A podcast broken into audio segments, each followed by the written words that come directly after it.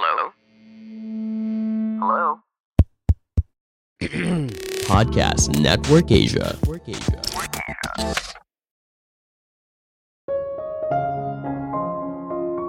Kata-kata bisa mengubah hidup seseorang. Ketika kita mendengarkan orang yang salah, maka hidup kita di masa depan bisa saja berubah ke arah yang lebih buruk. Halo semuanya, nama saya Michael. Selamat datang di podcast saya, Sikutu Buku.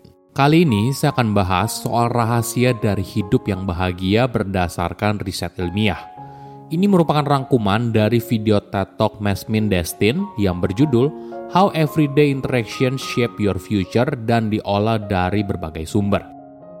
Apakah kamu pernah dengar kutipan, kamu adalah rata-rata dari lima orang yang paling banyak menghabiskan waktu bersama kamu?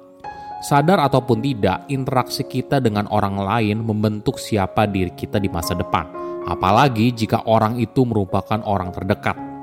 Tidak heran apabila kita bisa punya kesamaan dengan orang terdekat, misalnya kesamaan pola makan, kesamaan hobi, dan sebagainya, kamu dan dia saling mempengaruhi satu sama lain. Ini yang harus diperhatikan.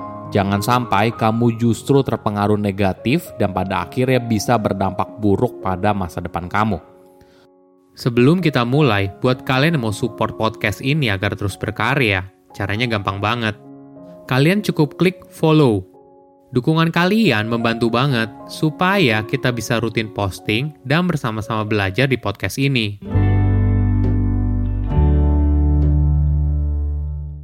Apakah sebuah hubungan sosial bisa membentuk masa depan seseorang? Jawaban singkatnya adalah iya. Sebagai makhluk sosial, hubungan antar manusia penting untuk bertahan hidup. Dimulai dari saat pertama kali kita membuka mata di dunia ini, berada di pelukan orang tua membuat kita merasa aman di sebuah lingkungan yang asing. Lima tahun awal hidup seorang boleh dibilang menjadi fondasi dari apa yang kita harapkan dari orang lain di masa depan, mulai dari rasa percaya, keterbukaan, hingga keamanan. Di situasi yang asing, orang terdekat menenangkan kita dari sesuatu yang ambigu di masa depan. Jadi boleh dibilang hubungan sosial bisa saja berpengaruh dalam membentuk masa depan seorang. Studi menemukan orang yang ada di hidupmu dapat mempengaruhi apa yang kamu pikirkan dan rasakan tentang dirimu sendiri. Sebagai contoh, ketika orang terdekatmu melihat kamu sebagai orang yang baik, maka hal ini semakin perkuat citra dirimu dan dukungan positif ini akan semakin mendekatkan diri kamu pada sosok yang kamu dambakan di masa depan. Sama halnya di aspek lain dalam hidup, misalnya soal makanan, jenis pekerjaan, gaya hidup, dan sebagainya.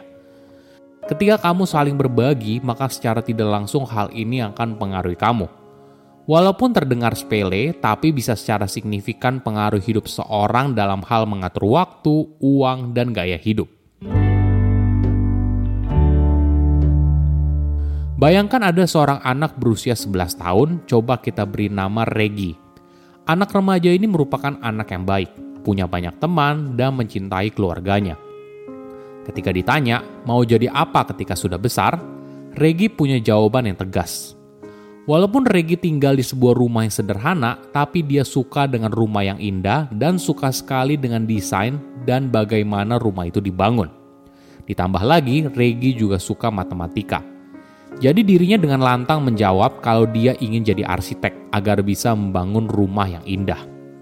Seiring berjalannya waktu, Regi mulai belajar adanya rintangan untuk mencapai apa yang diinginkan agar bisa memenuhi identitasnya di masa depan. Tentunya untuk menjadi seperti apa yang dicita-citakan butuh biaya. Jadi dalam sebuah eksperimen, Destin mencari tahu bagaimana anak seperti Regi memberikan respon atau bereaksi ketika diberikan sebuah pesan dengan kemungkinan terbuka atau tertutup. Misalnya begini, ketika Regi bercerita soal cita-citanya, lalu seseorang bilang, biaya untuk kuliah memang mahal, tapi ada cara di mana kamu bisa mendapatkan bantuan pendidikan. Sehingga kamu bisa kuliah dengan harga yang lebih murah atau bahkan gratis. Menariknya, bagi orang seperti Regi, ketika diberitahu kalau apa yang diimpikan itu mungkin, maka secara statistik dirinya akan 30% melihat dirinya di masa depan seperti apa yang diimpikan. Misalnya kuliah dan bekerja sebagai arsitek, daripada hanya mendapatkan pesan kalau biaya kuliah itu mahal loh. Ditambah lagi, Regi berencana untuk menghabiskan waktu dua kali lebih banyak untuk mengerjakan tugas keesokan harinya dan memiliki kemungkinan tujuh kali untuk benar-benar menyerahkan tugas itu kepada gurunya. Inilah efek dari sebuah pesan yang positif. Orang yang berasal dari keluarga yang kurang berada ternyata punya kelebihannya sendiri. Misalnya begini, selain memenuhi tanggung jawab sebagai pelajar, orang itu juga harus bekerja untuk membantu ekonomi keluarga atau membantu menjaga adik-adiknya ketika orang tua sibuk bekerja. Jadi, keahlian yang dipelajari adalah soal manajemen waktu dan bagaimana di tengah segala aktivitas yang banyak, tapi tetap semuanya bisa dikerjakan dengan baik. Bayangkan seorang anak yang di posisi Regi. Tidak hanya butuh kalimat positif seperti kamu pasti bisa. Tidak, itu saja tidak cukup tapi pesan yang berkaitan dengan apa yang diinginkan dan juga arahan bagaimana mencapainya. Hal ini bisa membantu seorang untuk bangkit dan harapannya nasibnya juga ikut berubah. Namun perlu diingat, pesan yang membangun itu hanya satu bagian. Di sisi lain, orang itu perlu kerja keras, gigi, dan pantang menyerah. Orang itu harus mampu menghadapi rintangan yang tidak pernah dialami oleh teman sebayanya yang berasal dari tingkat ekonomi yang lebih baik Orang itu harus bisa bertahan dari segala macam prasangka dan diskriminasi karena masyarakat dari tingkat ekonomi yang lebih tinggi tidak ingin melihat dirinya sukses. Apakah kamu bisa menerima umpan balik? Secara prinsip, kita tentunya percaya kalau umpan balik apalagi yang konstruktif bisa membantu membentuk masa depan yang lebih baik. Kita menjadi versi terbaik dari diri kita sendiri. Namun perlu dipahami, tugas otak kita yang utama adalah untuk membuat kita bisa bertahan hidup. Nah, sayangnya otak kita sulit membedakan mana rasa sakit yang nyata dan imajiner. Tidak heran mungkin tubuh kita tidak merasa sakit, tapi hati yang merasa sakit. Umpan balik sering kali masuk dalam kategori yang bisa membahayakan diri. Secara alamiah, kita cenderung menghindarinya. Kita takut terlihat penuh cacat. Kita takut kalau orang lain sadar kita tidak sepintar itu kita takut dihakimi orang lain, dan sebagainya. Tapi dalam sebuah proses umpan balik, kita sebagai penerima juga punya kuasa. Kita bisa menentukan apakah masukan itu kita terima atau kita abaikan. Sekaligus mau kita apain nih masukan tersebut. Nah, apakah ada cara yang lebih baik ketika mendapatkan sebuah masukan? Pertama, Allah bisa karena biasa. Mungkin kamu perlu membiasakan dirimu untuk memberi dan menerima umpan balik. Sama halnya seperti semua hal di dunia. Semakin sering kamu melakukannya, maka kamu akan bisa menerima dan memberi dengan lebih baik. Saat kamu proaktif, kamu berada dalam kendali. Kamu bisa membuat dirimu siap untuk mendengarkan topik apa yang perlu umpan balik. Kedua, menciptakan jaringan umpan balik yang terpercaya. Mintalah masukan dari teman atau rekan kerja yang kamu percayai.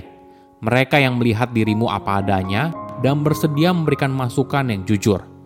Tapi perlu diingat, ketika mereka memberikan masukan, terimalah dengan lapang dada.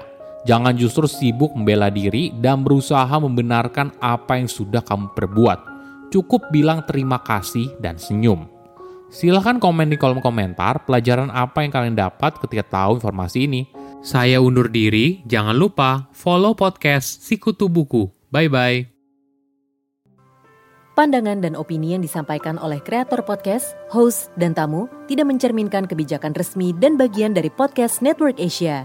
Setiap konten yang disampaikan mereka di dalam podcast adalah opini mereka sendiri dan tidak bermaksud untuk merugikan agama, grup etnik, perkumpulan, organisasi, perusahaan, perorangan, atau siapa pun dan apa pun.